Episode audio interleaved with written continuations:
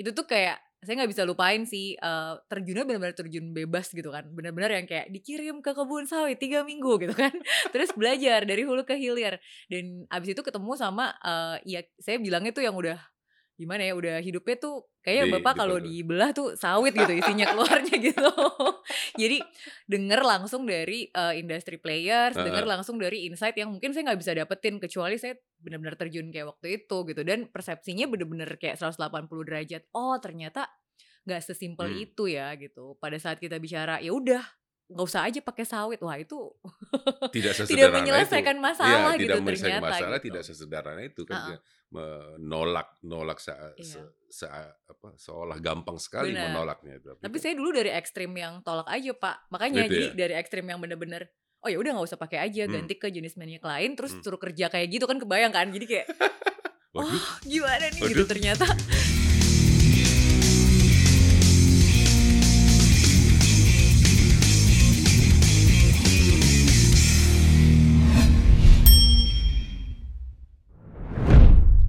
Tagar Togar Podcast kembali hadir pada kali ini saya Togar Sitanggang dengan tamu saya Gita Sarani. Hai. Sebelum kita berbincang, jangan lupa untuk komen, share, like, dan tentunya subscribe. Terutama juga sebenarnya sharing kepada teman-teman yang lain agar eh, informasi-informasi yang ada di podcast ini, perbincangan saya dengan tamu-tamu saya juga menjadi lebih meluas lagi pengetahuan dari teman-teman Bapak Ibu sekalian mengenai perkelapa-sawitan di Indonesia khususnya. Gita, Yes. kita kapan ka- pertama kali ketemu ya? 2015. Aku masih inget banget. 2015. Bapak Eh, marahin saya soalnya. Kok gua marahin sih? shock. Nggak soalnya waktu itu pertama kali banget em, kenalan sama isu sawit, tapi Oke. langsung masuk ke pekerjaan yang sawit semua gitu isinya. Terus kan ya Waktu kapan itu ya? itu 2015 eh, membantu beberapa perusahaan yang pengen bekerja sama untuk eh, membuat sawit menjadi lebih baik nih di Indonesia. Jadi iPop. yes, saya kira nggak boleh nyebut merek pak. Apa? Kalau ada K-pop dulu ada iPop Udah ada loh. pop, iya, bener Indonesia pop ya, bener juga. Iya. Tapi ya iya perjalanan iPop. Jadi kena, Menarik, waktu menarik. waktu itu aku marahin apa ya? Enggak, jadi sebenarnya konteksnya tuh kita Gak pertama- dong gitu kan, tapi ya agak lebih sih. eh, ya oh, mungkin agak. mungkin karena saya Hmm. mungkin Bapak ngomongnya biasa aja, Heeh. tapi karena Bapak ngomongnya gitu jadi saya kira marah mungkin juga ya. Jadi waktu itu tuh eh, ada satu acara launching tentang studi eh, konsumen Oke. tentang eh, sustainable palm oil. Oh, yang Masih itu. inget ya? Oke. Jadi si studi konsumen itu bilang eh, konsumen itu dia ketawa, dia inget nih sekarang Em, apa konsumen mau membeli opsi yang lebih baik Ya. pada saat eh, bahkan harganya boleh lebih tinggi gitu Ya, kalau aja opsinya ada dan tersedia dengan Ya, mudah gitu. Nah terus aku inget banget tuh di pinggir terus kayak nggak kayak gitu sebenarnya konsumen tuh mikirnya gitu. Jadi pokoknya panjang lah cerita tentang bagaimana sebetulnya konsumen Indonesia tuh nggak terlalu peduli kok belakangnya kayak gimana gitu. heeh. Dan justru itu yang harus diedukasi dulu kalau konsumennya udah siap, baru, Baru. perusahaannya berani ambil resiko uh, supaya jemput market gitu Hmm. kan. Jadi waktu itu uh, bapak Kok, cari- kok jadi aku jadi geli-geli terus Iya. saya ingat itu ya. iya soalnya waktu itu kan baru baru mencoba kan Iya, perusahaannya iya, bapak baru iya, keluarin produk iya, terus iya. karena marketnya belum siap Iya. jadinya ditarik Iya, Ah, ya, ditarik lagi. ditarik Iya, lagi gitu. dan Jadi sampai sekarang belum ada lagi. Nah, Ya, makanya nah. jadi justru waktu itu tuh uh, apa uh, perbincangan hangat kita itu tuh kayak edukasi dulu marketnya, baru minta perusahaan untuk keluarin produk. Nanti kalau kita udah invest keluarin produk, marketnya nggak ada yang beli, mau kamu yang beli gitu. aku jadinya ingat ya memang ya ya prinsipnya kan sebenarnya kan marketnya seperti apa gitu Iya. ya, ya memang waktu itu aku mengkritisi hasil studi itu Hmm, ini hasil studinya dari mana ini Hmm. seperti begini kayaknya enggak deh gitu Hmm. ya karena rata-rata masyarakat Indonesia kan ya ya gitu enggak enggak gitu peduli sebenarnya dengan eh, labeling-labeling yang Ya. seperti macam itu padahal itu yang waktu itu eh, yang sedang diusahakan dalam tanda kutip Betul. eh, oleh teman-teman gitu ya untuk ditampilkan Ya. gitu ya dan eh, terus habis itu kita ketemu di mana lagi ya Tapi tapi itu itu pertama kali terjun ke sawit Iya, jadi tadinya tuh saya emang latar belakangnya eh, hukum kan. Sebenarnya saya Oke. lamanya di corp- corporate lawyering sebenarnya. Terus masuk ke ranah kebijakan publik, terus Mhm. khususnya buat tata kelola lahan. oke ngurusin perlindungan hutan dan Mmm, lain-lain, ter mhm. kemudian tiba-tiba, mmm, ya nasib membawa untuk bicara tentang apa yang paling sering dikaitkan dengan, eee, perlindungan hutan Heeh. gitu, ya udah Heeh. large agriculture gitu, terus Heeh. malah, eee, belajar tentang sektor sawit. Tapi itu tuh kayak saya nggak bisa lupain sih, eee, terjunnya bener-bener terjun bebas gitu kan, bener-bener yang kayak dikirim ke kebun sawit 3 minggu gitu kan, terus belajar dari hulu ke hilir. Dan habis itu ketemu sama, eee, ya saya bilangnya tuh yang udah gimana ya, udah hidupnya tuh kayaknya Di bapak di kalau dibelah tuh sawit gitu isinya keluarnya gitu.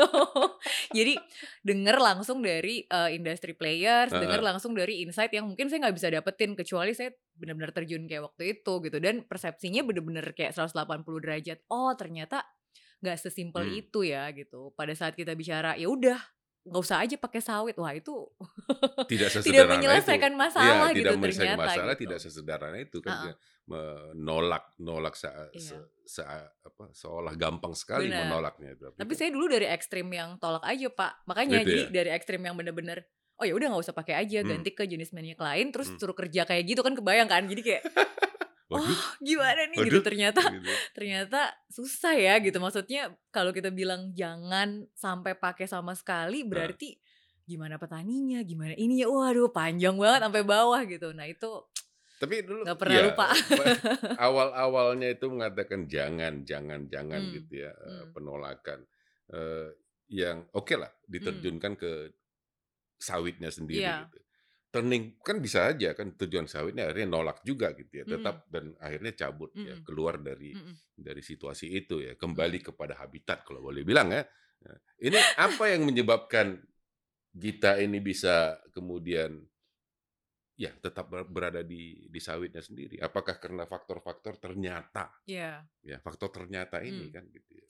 Sebenarnya karena mungkin terjunnya langsung ke ekosistem di mana semuanya lagi berusaha bikin perubahan sih Pak. Jadi kan Oke. itu kan kumpulan perusahaan-perusahaan Mhm. yang emang lagi berusaha Mhm. untuk ya gimana caranya prakteknya lebih baik, bertanggung jawab sama petani, Mhm. dan juga memang ya mana yang buat diproduksi diproduksi, yang diproteksi diproteksi gitu. Ya. Nah jadi ngelihat kenyataan Itu betul-betul shifting itu ya? Betul, Ya. dan maksudnya tuh, wah ini memang semuanya trying to swim upstream Ya. sebetulnya gitu, di Ya. satu, eee, industri yang memang sudah puluhan tahun terbentuk marketnya Mhm. seperti itu, dan ini sekarang lagi swimming upstream semua. Kalau kita ada di tengah-tengah dan akhirnya bilang, "Ah ya udah kalau gitu boikot aja." Gimana dong yang lagi Ya. berjuang swimming upstream, Mmm. berarti kita malah melangka eee, menghalangi langkah yang sudah Menuju positif menuju gitu. kebaikan tadi gitu ya, ya Bener. itu. Tapi itu, eee, kalaupun 2015 apa ya dengan perjalanannya seperti sekarang, di dua rebu Mmm. 2015 itu penolakannya lumayan gitu ya, dan dan itu penolakannya bukan dari siapa-siapa tapi justru Dari siapa Pak? pemerintah. Dari siapa Pak? Pemerintah, ya.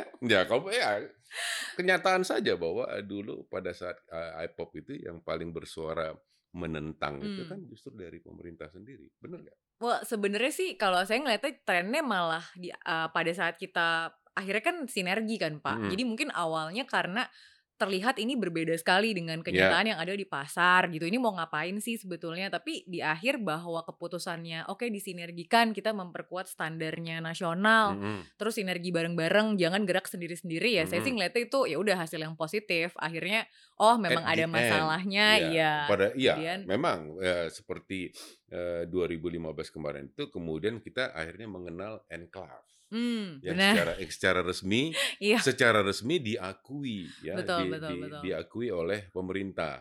Kalau di sebelumnya kan nggak ada itu cerita Iya. enclave, eee Nilai konservasi tinggi, Iya, ni NKT. NKT Iya. apa itu itu tidak sama sa sama sekali. Mmm. NDPE juga Iya. dulu tuh nggak ada gitu, padahal NDPE itu kan sudah dimulai di di ada sedikit di Mmm, sana gitu ya mmm. isinya. Nah, sebe eee, kalau dulu itu kan, eee, high conservative value itu dianggap menelantarkan HGU yang Mmm, kemudian iya. bisa dicabut kan Betul gitu ya. betul. Ya, tapi dengan gerakan ini kemudian, eee, pemerintah mengakui dan Betul. tidak menga apa, tidak mencabut, Iya. eee, HGU terhadap, eee, apa, high conservation value-nya. Betul. Ya. Tapi pada awalnya itu kan sangat ya banyak sekali yang protes gitu ya. Kalau aku sih bilang, ya gimana ya mau bikin sepertinya bikin perubahan akan selalu ketemu benturan di awal karena Mhm. beda cara gitu kan. Hmm. Mungkin bahasa yang dipakai beda, kemudian cara kerjanya juga tiba-tiba Mhm. beda gitu kan. Mungkin Kaget? mungkin kaget sih Pak kalau saya ngelihatnya karena ya saya ngelihat ya walaupun saya mah ini ya maksudnya cuma sebentar kan. Mhm. Itu kan kayak 18 bulan total Iya. tapi dalam 18 bulan itu kan setiap hari kan ada aja gitu perubahan Iya. Em, narasi gitu yang Hmm. harus kita ikutin tapi itu betul-betul secara progres yang tadinya eh, kasarnya besar berseberangan banget gitu di akhir tuh ketemu titik temu gitu oh Hmm. oke kalau memang Tapi toh sama-sama bubar juga kan? kenapa Toh ya kan bubar juga. disinergiin pak justru itu kan yang apa yang yang di- yang diinginkan tuh adalah tidak sendiri-sendiri gitu kan Hmm. kayak private sector sendiri Hmm. pemerintah sendiri justru Hmm. maunya ya udah bareng-bareng untuk Ya. satu tujuan standar Indonesia ada itu aja yang diperkuat bareng-bareng Ya. effortnya bareng gitu Hmm. Ya menurut saya sih oke kalau gitu berarti instead of tercerai berai ini jadi berkoalisi tapi lintas pihak gitu ya ya gitu tim penguatan atau ISPO atau dan lain-lain atau atau karena dulu itu dianggap eh, beberapa beberapa perusahaan ini terlalu maju. aku nggak tahu kalau itu maksudnya maksudnya kalau anggapan bahwa terlalu maju Karena kan semua orang protes. ya, ya mungkin gini, karena kan emang ya tadi gitu. Hmm. Tadi Bapak, Bapak- bilang kata-kata NDPI gitu. Hmm. Ya mungkin eh, grup inilah yang pertama untuk Iya. memperkenalkan itu. Jadi Iya. namanya juga sesuatu yang baru gitu ya, kan. walaupun NDP itu belum menjadi standar nasional. Betul, Tapi betul itu. itu. hanya komitmen dari eh, beberapa perusahaan Betul. ke sana gitu. Komitmennya sukarela lagi Ya, kan. sukarela. Mm-mm. Tapi itu eh, apa? Tapi ya semacam high conservation value itu kemudian menjadi regulasi. Eh, mungkin ada beberapa ya nilai apa eh, NKT tadi dan segala macam itu yang kemudian diadop Betul, ya diadop oleh eh, regulasi pada saat ini. gitu. regulasi. Terus sesudah dari dari apa ke mana sih? Kita nggak nggak Saya belajar dari dari situ terus aku belajar jadi researcher karena kan Nah. tertarik. Jadi maksudnya begitu masuk ke situ terus jadi ke maksudnya gimana ya? Wah, ini seru banget gitu ternyata em, kita betul-betul bisa masuk ke dalam satu industri yang memang lagi gerak mau berubah. Hmm. Terus gimana sih dinamika di lapangannya seru gitu. Jadi saya belajar jadi researcher, Pak, masuk ke em, apa eh, think tank gitu Hmm. kan.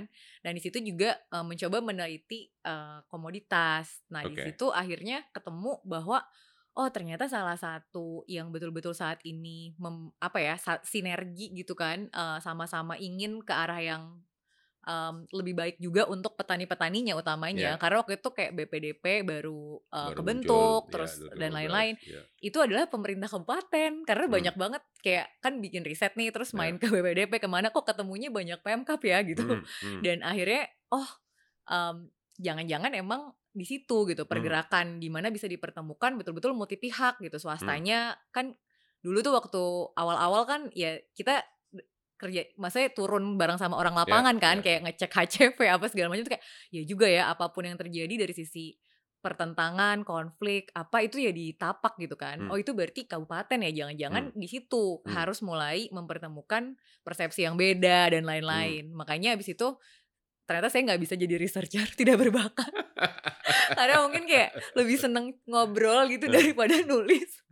Tapi jadi akhirnya dari situ ketemu sama beberapa pemerintah kabupaten yang punya pertanyaan yang sama gitu. Hmm. Bisa nggak sih kalau kita bilang nih, saya udah punya komoditas di tempat saya. Hmm. Tapi sekarang banyak yang kasih tahu, oke komoditasnya cukup ya. Kan waktu itu keluar moratorium Ya, juga kan Pak, ya, keluar moratorium uh, hutan primer udah, Ya. terus moratorium gambut, abis Ya, itu moratorium sawit, ya. um, itu keluar gitu. Jadi ini kan saya nggak boleh ini. moratorium penanaman lagi. Ya pembukaan, betul ya. pembukaan baru gitu kan. Ini ini kan nggak boleh diganggu yang Mhm, sisanya. Terus mhm. saya udah punya ini. Bisa nggak sih sebetulnya tetap dijaga yang Mhm. memang dibilang tidak bisa dibuka lagi, tapi Mhm. masyarakat saya itu benar-benar tetap sejahtera. Petani saya bisa masuk ke Hmm. eh, rantai pasok gitu.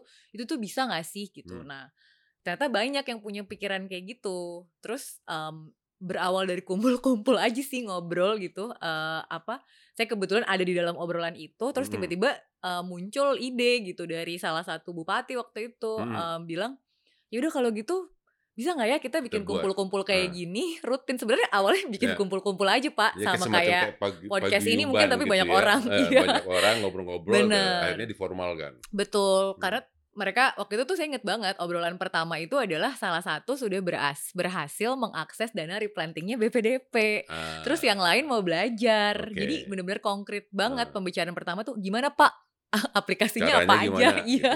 yang detail tapi levelnya level kepala daerah Oke. gitu ngobrolin itu. Ada satu lagi waktu itu bicara soal, mmm, ini biogas gitu kan, Mhm. gimana caranya, mmm, pakai sampai ke Mhm, level desa, mhm, bisa nggak sih mhm. sawit sapi gitu. Jadi Mhm bener-bener yang bener-bener teknis banget, seru nih kalau kumpul sering-sering. Nah terus mereka melihat ke arah saya gitu kira-kira bisa nggak heeh. di-setting-in meeting-nya juga gitu kan. Coba ya kamu yang buat gitu ya. Waktu itu tuh kayak, bisa nggak ada ya? forum enggak, Terjebak seneng nggak? sih seneng. sih. Soalnya waktu itu tuh kayak, kan biasanya orang suka punya pikiran gini kan Pak, kayak, "Oh ini pasti setting-an gitu, Heeh. apa gitu." Nah ini tuh saya tuh cuma denger aja gitu kan, denger-denger, "Oh gini ada juga ya kepala daerah kayak gini," gitu. Terus tiba-tiba, mmm, saya kira bercanda kan itu, Heeh. itu karena kayak pertemuan informal terus ngobrol-ngobrol aja, terus tiba-tiba, eee, 2 hari kemudian saya kayak, "Ya udahlah," gitu, "nanti kalau ditagih ya baru saya kerjain," gitu. Nggak 2 hari taunya 2 hari heeh, kemudian ditelepon, saya inget banget lagi di ojek itu Heeh. gitu, terus ditelepon tuh sampai missed call 3 kali, kayak ada apa gitu Mmm. kan. Ya udah di sampai turun tuh dari ojek, terus kayak, "Kenapa Pak?" gitu, "Iya mana katanya mau bikin pertemuan." Waduh ditagih. Gitu sih. Jadi akhirnya dari situ, ngebantuin kabupatennya gitu, karena memang nggak berbakat juga jadi researcher, terus seneng gitu ngebantuin orang bisa ngobrol, ya udah, mmm, akhirnya masuk ke ranah yang sekarang, yang adalah tadinya bera berasal dari perkumpulan, kumpul-kumpul biasa, terus jadi serius karena kan ada ini Pak Jadi formalitas, bener, jadi ya. ada asosiasi Ya, gedenya kan, ya. Asosiasi Pemerintah Kabupaten seluruh Yes, Indonesia, ya. ada APKASI. Nah Ya, kebetulan waktu APKASI. itu, eee, ikut juga tuh salah Mmm. satu ket apa, direktur eksekutifnya tuh ikut ngobrol gitu, terus tertarik juga sama Mmm. agenda, "Oh iya bener juga ya kalau kita majuin komoditas sesuai sama standar dan Mmm. lain-lain, menarik juga," gitu. Akhirnya ya udah APKASI bilang, "Deklarasi aja pas Otonomi Expo," Heeh. gitu. Ya beneran deklarasi Pak, kirain mau kumpul-kumpul aja kan, nggak Masih taunya nggak percaya bahwa iya. bahwa kemudian Betul. ditugaskan untuk Iya, ngurusin ini? dan saya tuh waktu itu kayak, mmm, ini udah tahu semua sih para kabupaten pun jadi nggak apa-apa gitu. Saya tuh nggak percaya jadi saya nggak resign. Maksudnya saya kayak, ya udahlah bantu-bantu aja gitu. Heeh. Maksudnya minta izin ke kantor aja gitu, kayak, "Boleh nggak nih? Kayaknya ada yang menarik." Tapi saya nggak tahu juga mereka serius atau enggak, jadi ya udah saya cobain dulu ya gitu. Akhirnya dikasih izin tuh 1 hari dalam seminggu boleh Mhm, bantuin. mhm. Nggak taunya serius gitu, misalnya 2017 deklarasi, terus abis itu 2018 udah ngobrol sama beberapa kementerian, terus udah bikin asosiasi aja gitu. Mhm. Nah tapi yang menarik tuh 2018 mereka bilang, "Oke ini bikin asosiasi boleh, tapi asosiasi untuk dibubarkan." Jadi kayak udah langsung mikir gitu, jadi, Heeh. eee, karena kan, eee, bareng sama APKASI Heeh, dan nggak iya. mungkin dong, eee, apa, banyak-banyakan anggota, ya udah pasti APKASI kan, eee, Iya. apa, payungnya gitu. Iya. Jadi ya udah tugasnya tuh jadi akselerator untuk memecahkan misteri itu Pak, bisakah menjaga lingkungan dan Mmm. menyejahterakan masyarakat secara sekaligus? Sekali Itu sekaligus. bisa nggak? Jadi sampai 2030 aja Pak, eee, tugas kita. Nah habis itu harus harus bubar. Tapi, Gitu. dalam perkembangannya Mmm. ya, eee, mulai dari awal sampai sekarang, itu keanggotaan lah boleh Mmm. kita bilang, itu Mmm. tumbuhnya cukup signifikan atau Nah ini menarik juga sih, ini saya juga bingung sih kadang-kadang, masih nggak percaya sampai sekarang gitu. Tapi kok kok jadi diseriusin banget sama Ya. orang. Jadi yang menarik dari keanggotaan itu 2018 waktu akhirnya berdiri jadi asosiasi tuh diputusin, keanggotaan kan sukarela ya Pak, Ya. tapi dibatasin. Jadi kayak karena ini sifatnya akselerator, Mmm. tugasnya sekretariat bukan menarik sebanyak mungkin Tapi mitra bisa apa, mmm, anggota, tapi justru maksimal 10 anggota aktif yang Oke. setiap tahun dievaluasi sama rapat umum anggota. Jadi kalau nggak aktif dinonaktifkan. Kita bisa bikin kayak daftar tunggu gitu Pak. Jadi Oh. ada waiting list. Oh gitu? Iya. Baru tahu deh. Iya, aku juga. Maksudnya kaget-kaget juga gitu kayak, "Hah gimana Pak?" Gitu. "Iya dibatasin aja nanti kamu kalau nggak sekretariat emang mau berapa orang? Entar sibuk banget kalau ngurusin terlalu banyak. Yang Iya. penting tuh kumpul-kumpul" Tapi kan mmm. tapi kan, eee, harusnya kan, eee, apa, eee, dengan dengan adanya ini kan Mmm. bisa lebih kalaupun anggotanya bertambah bukannya bisa lebih menjangkau lebih banyak wilayah di Kan Indonesia? APKASI. Iya betul Gitu. bareng Heeh. APKASI, tetapi kan, eee, dari segi apa, pemerintahan apa, Pemkab Mhm ini ya, eee, mohon maaf terus terang ada beberapa yang betul-betul, bisa dibilang ignorance terhadap Mmm, sawit itu mmm, juga gitu. mmm. Ya sebagai contoh, eee, Sumatera Utara, eee, Riau itu kadang bupatinya nggak gitu mohon maaf. Sekjen kita Ya. eh, si siap kok Pak. Iya, mana dulu nih? Betul, ya. eh, tapi apakah semua? Iya, iya, kan iya, iya, tapi tidak. betul, tapi gitu. betul, tapi Karena kembali kepada kalau kalau aku melihatnya Hmm. menilai ini eh, personality Ya. dari masing-masing bupati, ya. Bagaimana dia bisa eh, melihat bahwa ini adalah keperluan, Hmm. kepentingan dari Hmm. daerahnya. Beberapa bupati, mohon maaf, enggak, Hmm. kan gitu. Hmm. Ini bagaimana Iya. bisa eh, apa eh, kalau di, dibatasi Hmm. ya dengan eh, keanggotaannya, bagaimana bisa reach out terhadap mereka-mereka ini? Gitu. Jadi tuh Contoh simpel, ya, sorry gimana, belum gimana? ya. Contoh lanjut simpel ya, lanjut. bahwa eh, ada kabupaten di di apa di Sumatera Utara sana gitu ya. Heeh. Untuk masalah STDB aja dia nggak mau ngurusin. Paham Pak. Itu ya. Iya iya. Padahal iya, itu. Sumatera Utara gitu Benar. ya. Sentra sentra sawit di utamanya Benar. gitu pada awalnya gitu. Hmm. Tapi untuk STDB dia nggak terlalu concern ke Iya. sana gitu. Itu jadi Jadi ceritanya, tapi ini juga kan trial and error gitu, Ya. em, bahwa ada ada kesepakatan untuk membatasi itu juga sebenarnya trial and error karena Hmm. mau dicoba aja kayak waktu itu tuh analoginya simple banget. Jadi buat saya tuh oh iya masuk akal juga. Menurut mereka kita harus kerja di awal sama yang emang benar-benar serius dan Mhm. menganggap ini itu se- sesuatu yang harus diperjuangkan dan ada investasi waktu, investasi tenaga, investasi dana juga Hmm. gitu untuk sesuatu yang mereka anggap penting. Kalau keanggotaannya terlalu loose, Mhm. artinya terlalu banyak, Mhm. em, jangan-jangan nanti banyak free riding. Sebenarnya gitu. Oke. Jadi asumsinya tuh kita maunya mainnya sama yang serius dulu gitu kalau kata para pendiri awalnya Hmm, gitu. Jadi ya hmm. udah dibatasin dulu. Cuma Hmm. kan ah, pertanyaannya banyak ya tadi Bapak tuh banyak banget kita dapat pertanyaan. Terus gimana yang lain? Hmm. Jadi akhirnya kita bikinnya sekarang secara sekretariat kita nawarinnya dua track gitu sih Pak. Jadi Oke. untuk membersnya LTKL Hmm. Itu ada mungkin pendampingan yang lebih intensif kita bikin Mhm. tim promus mereka bisa punya suara di menentukan Mhm. LTKL dibawa ke mana tapi untuk hal-hal yang penting seperti misalnya kerjasama kerjasama sama kementerian dan Iya. lain-lain kita selalu bikin programnya bareng sama Apkasi jadi semua Ah, anggota oke. Apkasi boleh Bisa ikut ikut gitu. Benar, jadi misalnya kan kita 10 nih sekarang, Hmm. eh, tapi sering banget kita bikin kegiatan tuh sama kabupaten-kabupaten di luar anggota, Kutai Timur masuk juga, Iya. em, yang lain ikut juga gitu. Itu sah-sah aja dan boleh-boleh aja karena memang akhirnya cuma beda pendekatan aja. Yang Ya, satu karena tuh kan ya kalau ya. kalau dari kami yang kami yang Hmm. melihat dari luar kan kok cuma 10 Iya, kan. saya juga nggak ngerti awalnya pada- Pak. Padahal kan eh, lebih dari 10 gitu. Banyak banget 400 lebih sebenarnya. Kalau oke. kita lihat yang sentra sawit, anggap aja pahit-pahitnya kayak setengahnya gitu. Itu aja udah 200 gitu Ya. kan sebenarnya. Tapi emang itu sih yang saya baru ngerti setelah ngejalanin em, satu tahun setengah kali ya. Mungkin Hmm. kan kita yang tadinya tuh sekretariat terdiri dari tiga orang saja gitu. gitu aja udah kayak 10 kabupaten udah, "Hah, udah pusing dua orang tipes terus gitu. Terus saya takut dilaporin kan ke Kemenaker ya.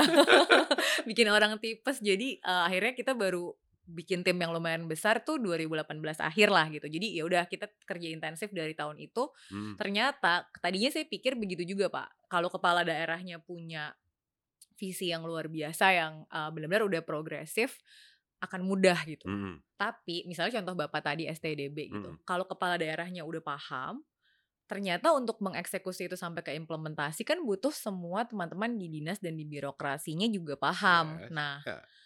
em, itu yang baru kita ngeh gitu ya pas jalanin ternyata nggak bisa satu dinas ternyata nggak bisa dua dinas Iya. ternyata nggak tiga dinas ternyata 15 dinas minimal gitu yang Ya. harus sepaham supaya misalnya satu kabupaten bisa mengeluarkan satu program yang terencana dengan anggaran yang misalnya patungan sama desa untuk Mhm. pemetaan partisipatif Mhm. petani gitu supaya STDB-nya benar-benar full gratis Ya. pemetaannya juga benar-benar nggak nggak nggak Nah. ada cost gitu. Nah itu yang membuat akhirnya oh iya ya ternyata emang nggak bisa kalau kita kuantitasnya terlalu besar nanti pendampingannya nggak bisa dalam gitu. Mitra-mitranya juga kan soalnya gini. Oh ya tadi lupa jelasin. Sekretariat tuh nggak boleh implementasi langsung pak. Ya karena Harus ada- sama- tidak punya Benar kita nggak punya expertise Iya. juga nggak punya eh, tangan di lapangan juga. Iya. Jadi kan sama mitra kan. Mhm. Nah nggak semua kabupaten juga punya mitra yang siap langsung cus Exactly. turun gitu. Nah Iya. makanya ya udah yang penting itu saya tapi saya sih feeling saya ya ini kan kita udah masuk ke fase kedua nih Hmm. kita mau pemilihan eh, rapat umum anggota Juli nih awal Hmm. Juli yang fase kedua. Feeling saya sih bakal di enlarge. Soalnya kayak banyak banget kok cuma 10 gitu. Em, walaupun ya itu rasionya udah benar tapi kayaknya 10 angkanya kekecilan karena misalnya di pipeline di wa- waiting list itu gitu yang yang masukin eh, mau dong daftar itu tuh ada kayak 18, 20-an gitu. hmm. Jadi mungkin ada kemungkinan akan diperbesar sih rosternya. Cuma memang strateginya saya ngerti juga sekarang. Sekretariat nggak boleh terlalu banyak yang Hmm. harus diurus supaya benar-benar bisa bikin sukses story. Nah, itu sih yang mereka bilang. Harus ada yang jadi supaya Hmm. kabupaten yang lain percaya. Hmm. Gimana caranya bikin ada yang jadi? Ya emang harus dalam Hmm. gitu. Harus benar-benar sampai ngelotok banget dan benar-benar jadi ini tuh bisa bukan cuma kayak secara apa ya di atas kertas peraturannya bisa keluar, tapi secara anggaran juga masuk akal, secara program masuk Iya. akal, secara politikal juga masuk akal gitu. Memang harus ketemu dulu Ya, baru tapi bisa direplikasi. lagi-lagi ya eh, Heeh. it- itu kan eh, hal yang eh, apa yang ideal gitu. Iya. ya kan? Hal yang ideal gitu. Dan ya terus terang dari berbagai kabupaten kalau Hmm. boleh dilihat dari secara Makronya ya. Hmm. makronya nggak banyak Iya sih, Pak. yang punya yang punya apa eh, kepala daerah yang betul intuit gitu Hmm, hmm. Ya, contohnya eh, kemarin tuh waktu berbicara dengan apa mengenai program PSR Oke. ya permajaan sawit Iya. rakyat. Nah, saya ada ditampilkan tuh data gitu ya bahwa tingkat kabupaten tuh sekian sekian sekian Ah. sekian gitu kan. Eh, terus saya bilang ini satu kabupaten ini tinggi PSR-nya. Hmm, hmm. Saya langsung itu di, waktu di zoom hidupin hidupin mic eh, apa di unmute Iya. sebelum ditanya itu karena bupatinya komit. Kayaknya saya tahu nih kabupaten mana. Tahu, ya, tahu, tahu. Itu sudah pasti tahu. Kayak ketua umum saya. Ya, se- semua semua sudah mengenal dia gitu ya untuk untuk Baik, gitu baik. ya. Ya, Tapi ya yang lain gimana? Bagaimana ini bisa apa namanya? eh, program rakyat Hmm. ini bisa lebih lebih in gitu loh. Betul. Lebih lebih bisa menyeluruh, bisa men- menjangkau gitu ya. ada kombinasi sih Pak. Kalau misalnya ini yang kita lihat Hmm. ya, tapi tapi yang tadi kabupaten dengan PSR yang tinggi itu Hmm. justru dia tuh yang bilang emang harus dibikin sukses dulu. Jadi orang tuh sirik gitu sebenarnya. Maksudnya Tapi kan pengen juga. mereplikasi. Nah, Iya kan ini itu kan asumsi pertama Iya, gitu. oke. Em, yang ke- ternyata emang harus kombinasi eh, ada yang mengawasi dan di top down juga sih Pak. Em, ternyata gitu kalau Hmm. di level teknis karena misalnya nih kita bareng-bareng sama Serikat Petani sempat main ke beberapa soan ke beberapa kementerian gitu untuk eh, itu benar-benar STDP tuh Hmm, ceritanya gitu. hmm, Bisa nggak sih dikasih aja instruksi Hmm. dari atas bahwa STDB itu dari dari tingkat nasional bahwa STDB itu harus diprioritaskan karena ini mendukung program nasional juga hmm, alasannya kenapa gitu kan saya awalnya kenapa harus pakai instruksi? Hmm. kementerian juga bilang kenapa? gitu kan udah ada peraturannya tinggal dijalankan Hmm. saja kalau mau dilimpahkan ke kepala dinas silahkan dan lain-lain gitu.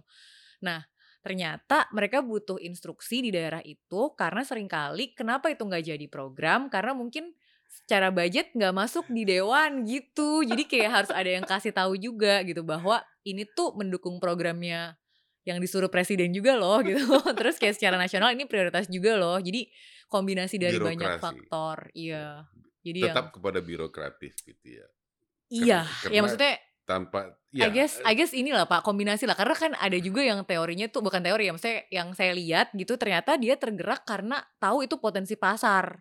Hmm, jadi maksudnya ada juga gitu kombinasi. Hmm. jadi kayaknya emang harus semua faktor itu dikeroyok gitu. Ada instruksi yang jelas Hmm. kemudian kepala daerahnya juga progresif misalnya atau dia terpengaruh dengan kepala daerah yang lain supaya jadi progresif juga plus dia paham bahwa masa depannya tuh memang harus ke sana gitu. Kalau nggak ke sana ketinggalan kereta gitu. Ya, Lagi-lagi itu kan kembali kepada yang idealnya gitu ya, i- Pak. idealnya individual-individual ini kan gitu ya. Iya, eh, tapi Ya. gimana saya juga belum tahu kalau misalnya Bagaimana buat bisa yang scale up. merumuskan ya scale up gitu ya. Hmm. Tadi 300 400 Iya. eh, kabupaten ini bagaimana me-reach out eh, kepala-kepala daerah ini untuk betul-betul kamu harus perhatikan ini Bapak gitu Iya, loh. iya, iya. Ya, karena ini adalah potensi dan segala macam. Nah, yang paling efektif masih itu sih Pak. Kalau saya yang ngelihatnya masih apa sinyal yang jelas dari pemerintah nasional itu tapi kan bener-bener yang paling efektif gitu loh. Karena begitu misalnya oke eh, COVID aja deh contohnya gitu kan. hmm. Begitu ini darurat semua harus realokasi anggaran Hmm, hmm, maksimal hmm.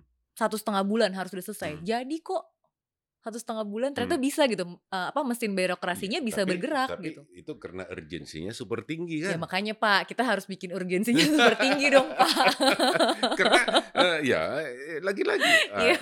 urgensinya di mana gitu. Kalau Covid kita bandingkan Covid kan ntar gua Iya. kena kan gitu. Gua kena gua Benar, mati kan benar, gitu. benar. Bisa Ya. jadi sih. Ya kan? Tapi bukannya bukannya kita mikir gitu juga ya Pak? Maksudnya untuk petani sawit yang banyak banget di Itu- seluruh itu Indonesia itu, justru bukannya itu. urgent juga ya, Ya, Pak? Bagi bagi bagi ya, buat bagi kita aku udah sama ya, sih ya, paham. uh, uh, urgent gitu. Tetapi Hmm. kan pemahaman urgensi terhadap nasib para petani Benar. ini kan belum merata, belum belum sama di antara uh, satu apa uh, kepala daerah dengan yang lain gitu. Bahkan bahkan juga mungkin di beberapa kementerian juga terus kenapa petaninya kan gitu. Bisa jadi kan gitu. Masa sih kan kalau petani Bisa aja gitu. nggak bisa Mak- makan maksudnya, gitu. maksudnya ada ada apa namanya eh, eh, kesepahaman itu kan belum belum, Belum didapat kebangun. ya belum kebangun di antara kementerian lembaga dan pemerintah Iya. daerah dan segala macam gitu. ya dia ya maksudnya as cliche as it might sound bisa jadi diundang ke podcast bapak maksudnya enggak itu bercandanya gitu tapi maksudnya Oh Em, kalau kalau untuk terpikir ngundang sih aku mau Iya. gitu ya. iya Ya itu yang tadi. Bener kan, eh, yang tadi itu kan? eh, tadi itu, itu mau, Iya. mau, mau sangat gitu. tapi maksudnya tuh eh, dialog itu sih pak maksudnya Hmm. tuh yang aku rasa cukup spesial bukan cuma dari yang sekarang aku kerjain tapi dulu waktu kita pertama ketemu di Mm-mm, dunia mm. persawitan dan perkorporasian itu tuh apa candid conversationnya gitu. Maksudnya Hmm. di mana emang ngobrolnya tuh beneran udah ngobrol yang ya udah butuhnya apa maunya apa bisanya gimana gitu. Bukan yang normatif lagi. Nah kan forum-forum yang bisa ngobrol nggak normatif kan nggak banyak ya pak. Maksudnya the beauty of Ya. ini gitu. Ya, maksudnya si inilah LTK ya ya mak- makanya gitu. Itu kan bercandaannya tuh ya model kayak gini gitu. Ya. bisa ngobrol ya udah maunya apa sih ke mana sih Ya. gitu. Dan eh, itu yang mungkin ya bapak-bapak ibu-ibu. Jadi maksudnya dialog yang emang boleh em, bercerita secara jujur di mana em, emang mencari titik temu gitu. Kalau Ya. bahasa teorinya ternyata ada pak teorinya. Saya juga baru tahu gitu negosiasi integratif Wih, keren banget. Jadi kayak melihat ini bukan kayak lawan Eh. lawan lawan yang harus kayak dikalahkan gitu. Ada Eh. yang kalah banyak, menang banyak, tapi emang bener-bener oke tantangan bareng, solusi bareng gitu. Nah, ruang dialog itu tuh yang saya nggak tahu deh, mungkin lebih banyak yang em, lebih ahli dari saya, tapi itu yang kurang sih menurutku. Terus eh, berbicara eh, berkelanjutan sustainability dalam regional approach. Ya. Ya, ini sekarang lagi in nih, ya, Yes. regional approach gitu ya. Beberapa teman dari civil society sudah memulai Mm. dan saya dengar satu lagi juga ingin memulai lagi gitu. Ini ini arahnya ke mana ini? Arahnya ke mana? Tapi gini, oke, yang kalau yang LTKL Apakah ini apa? mensimplifikasi? oh, oh, arahnya ke situ. Eh, saya nggak tahu ya. Ini ini pertanyaan. Apakah Iya, ini iya, iya. memsimplifikasi, mempermudah dalam tanda kutip sustainability itu atau Oke. atau ke mana gitu? Saya baru ngerti arah pertanyaannya maksudnya. Ya, soalnya eh, gimana ya? eh, ada ya Hmm, penolakan juga ada gitu ya. kekhawatiran lah. Kekhawatiran Hmm. juga ada karena eh, kalau satu fail maka semua bisa fail kan Right, gitu. right. Ya. Kalau isi A ini enggak karena mungkin dia tahu temennya gitu yang Wah, yang ini dekat nakal nih gitu. Itu nakal. Iya. kalau kita buat regional juga. regional approach Mm. kalau dia tetap nakal seperti itu gua nggak dapat Iya, kan iya, gitu. iya, iya, iya, iya, iya, benar, benar.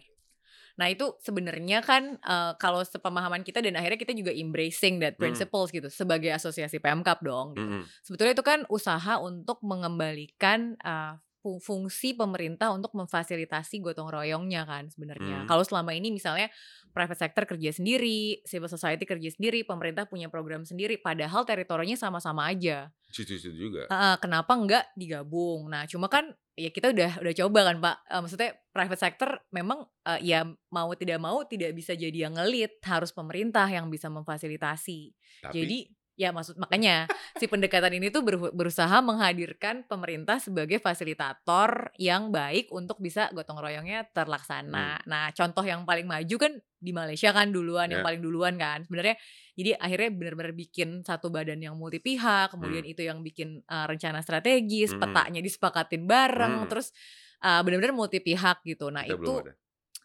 Lagi dibikin sama kabupaten yang sama pak. Jadi kayaknya emang harus diundang sih ke podcast bapak sih pak. Jadi em, apa ya nyontek aja dari dari apa yang udah Tapi dikerjakan itu kan sama level Malaysia. kabupaten. Iya, ya maksudnya kan sama-sama, mmm, ini kan, apa, satu level di mana perizinan itu dikeluarkan untuk sektornya, itu Oke. sebenarnya kan Iya rumusnya. iya Saya iya. mengutip dari rumus yang dibikin sama teman-teman juga ya, bukan saya. Nah itu kalau ditanya tadi kan pertanyaannya kayak simplifikasi atau bukan Iya. gitu. Nah itu kalau menurutku dari sisi apa yang kita punya sekarang too early to tell sih menurutku. Oke. Karena soalnya masih banyak banget hal-hal teknis yang, eee, harus dijawab dulu untuk sampai ke kesimpulan, eee, ini simplifikasi atau bukan. Terutama terkait misalnya tipe data dan informasi yang akan digunakan, Mhm. siapa yang tanggung jawab untuk kan kalau Kriteria-kriterianya. benar, terus Ya. kayak kan misalnya kalau di perusahaan ada auditor Ya. yang harus disertify juga Iya. sebagai auditor. Nah kalau Iya. buat jurisdiksi, Apa? siapa yang bisa ngaudit pemerintah gitu Exactly. misalnya. Ya itu kan itu Nah, banyak pertanyaan yang ya. harus dijawab dulu untuk Ya. bisa sampai kepada kesimpulan itu. Hmm. Nah, kalau di LTKL akhirnya kita oke ini proses kayaknya masih panjang nih gitu kan. Tapi kan semua orang mulai bikin tuh, Pak. Ya, dan dan dan itu sudah ke tingkat kementerian loh. Nah, makanya Ya jadi kan? maksudnya semuanya mulai bikin dengan kriteria dan indikator yang beda-beda. Kita Nah. baru selesai, eee, studi a tengah tahun lalu eh enggak, tengah 2019 sih selesainya. Ada berapa banyak sih yang membuat pendekatan kemudian dengan standar dan terms and conditions yang sangat spesifik gitu. Mhm. Ternyata ada sekitar 10-an sih gitu. Jadi Mhm. bayangin aja ada 10 gitu kan. Itu semuanya punya pendekatan yang beda-beda gitu. Terus, mmm, kalau kita jadi kabupaten ya, kan saya sekretariatnya kabupaten kan Mhm, sekarang. Ya ampun gitu, mau akses ke, eee, market ternyata harus bikin laporannya 10 kali lipat gitu. Itu aja gitu kan simpelnya. Jadi akhirnya kita mikir ya udah kita ikut di dalam proses perumusannya, Mhm. berusaha untuk ngasih masukan terutama dari kacamatanya Pemkab sendiri kayak Mhm. gimana, mungkin atau nggak mungkin, tapi kita bantu rangkum yuk gitu. Mhm. Jadi apa aja sih top waktu itu tuh kita bilang, eee, the top kriteria yang diminta sama semua orang. Jadi Mhm. akhirnya kita ngebandingin cuma 4 dulu sih, Pak, yang paling maju gitu sekarang. Dari 4 itu kriteria apa yang diminta oleh 3 atau lebih, Hmm. mmm, si yang 4 yang dibandingin. Jadi akhirnya keluarlah satu barang namanya kerangka daya saing daerah, tapi itu juga ngegabungin akhirnya karena kan kita juga ngebayangin gitu, gimana caranya memotivasi kabupaten untuk mengerjakan sesuatu yang sifatnya voluntary based Ya, reporting gitu. ya. Kan susah. Ya. Akhirnya kita Mana dasar hukumnya nanti Betul katanya. betul. Nah akhirnya kita ini Pak, akhirnya kit itu pertanyaan tahun pertama tuh Eh. gitu. Ini der cantolannya mana Mbak gitu Iya. kan. Terus akhirnya kita ngobrol sama, mmm, beberapa kementerian, eee, sebenarnya sih ngobrol dulu sama kabupaten, "Pak, kalau kabupaten laporan rutin yang setiap tahun selalu dikerjakan, mmm, apa, dan betul-betul semua orang puna punya ownership gitu. Hmm. Laporan yang mana? Laporan ke Kementerian Dalam Negeri pastinya, karena Iya. itu kan, eee, yang di atasnya gitu." Ya Iya. udah, jadi akhirnya kita lihat gimana caranya kalaupun ini adalah voluntary reporting masih berguna nggak sih untuk dia memperbaiki dan, mmm, im apa, meningkatkan kualitas untuk pelaporan wajibnya dia juga. Hmm. Jadi sekali dayung bisa serving their needs juga sebagai pemerintah kabupaten. Nah itu, eee, sifatnya rangkuman sih Mhm. sekarang dan dikerjakannya bareng-bareng sama kabupaten juga sampai ke nulis gimana cara ngeceknya. Jadi kayak means of verification gitu-gitu. oke. Makanya lama banget kayak 2 tahun baru keluar kemarin. Tapi itu ya udah ini lagi dicobain nih, Pak. Tapi kemarin kita coba ngecek gitu ya, data availability dari, eee, si indikator yang Mhm. macam-macam itu, paling ya udah pasti udah ketebak lah ya, yang paling susah yang sosial ya, Pak. Ya. Susah banget Hmm. datanya gitu. Tapi, eee, ada 1 kabupaten yang berhasil mencapai 70 kat apa, 72% lah dari Hmm. total data yang diminta, Mhm. dia bisa ngisi 72%. Sisanya susah. Nah tapi kan jadi kita bisa bawa data itu kan balik ke semua orang yang mendevelop segala macam standar ini dengan bilang, "Ya udah kamu mau bikin banyak banget juga nanti nggak bisa diisi iya, datanya," nggak gitu. nggak bisa bisa nggak tercapai Bener, nggak bisa diisi juga. Ya. Bahkan ba bahkan nggak usah ngomongin tercapai atau nggak tercapai, Pak. Untuk ngisinya aja susah. Jadi itu. Jadi tapi kan kalau selama ini ya kalau Gita yang ngomong siapa yang percaya gitu kan. Nah kita ya udah kita cobain yuk gitu sama Hmm. kabupaten. Nah nanti hasilnya itu yang kita liatin. Bukan untuk ya udah apa hentikan semuanya bukan gitu, tapi ini kayak gini realitanya. Hmm. Eee, if kalau misalnya semuanya pengen ngukur A, B, C, D, E, F, G padahal nggak bisa, terus Hmm. kita harus ngapain? Oke. Balik lagi gitu kan. Harapannya ah, harapannya nanti yang kayak ya udah kita support atau kayak ya udah barengan ngerjainnya harapannya kayak gitu sih. Oke. Gitu. Baik, Gita terima kasih, Sama-sama. sudah meluangkan waktu di podcast saya Tagar Togar. Eee, teman-teman, Bapak Ibu, eee, berbicara sustainability di keberlanjutan di Indonesia tidak terlepas dari peran pemerintah daerah. Dan ini sudah ditunjukkan uh, yang sudah diusahakan, yang sudah Hmm. dikerjakan oleh Gita dan teman-temannya dan juga beberapa kepala daerah. Dan terus terang saya sendiri juga sudah melihat hasilnya, ya, di mana memang komitmen dari kepala daerah masing-masing itu diperlukan agar uh, yang dinamakan keberlanjutan di perkelapa sawitan Indonesia itu betul-betul bisa kita tunjukkan kepada dunia internasional bahwa kita betul-betul bisa berkelanjutan ya walaupun sudah dibuktikan dengan sertifikasi dan segala macam tetapi Iya. kalau dukungan dari kepala daerah eh, terutama kabupaten kurang itu juga tidak eh, tidak akan afdol seluruhnya sekali lagi terima kasih kita Sama-sama. sudah hadir Eh, sebelum Mudah- saya tutup Mudah-mudahan Bapak jadi kepala daerah juga ya Pak. Ayo jangan, jangan, jangan, jangan. Saya, saya tidak terpikir ke sana. Nanti saya langsung langsung ayo Pak kita STDB Pak. Jangan lupa untuk subscribe channel ini masih banyak perbincangan kita yang akan kita bahas di episode-episode berikutnya. Komen, like dan tentunya share kepada siapa pun teman-teman ataupun masyarakat umum agar apa yang baik dari sawit ini bisa kita sampaikan ke masyarakat luas. Sampai jumpa di episode mendatang.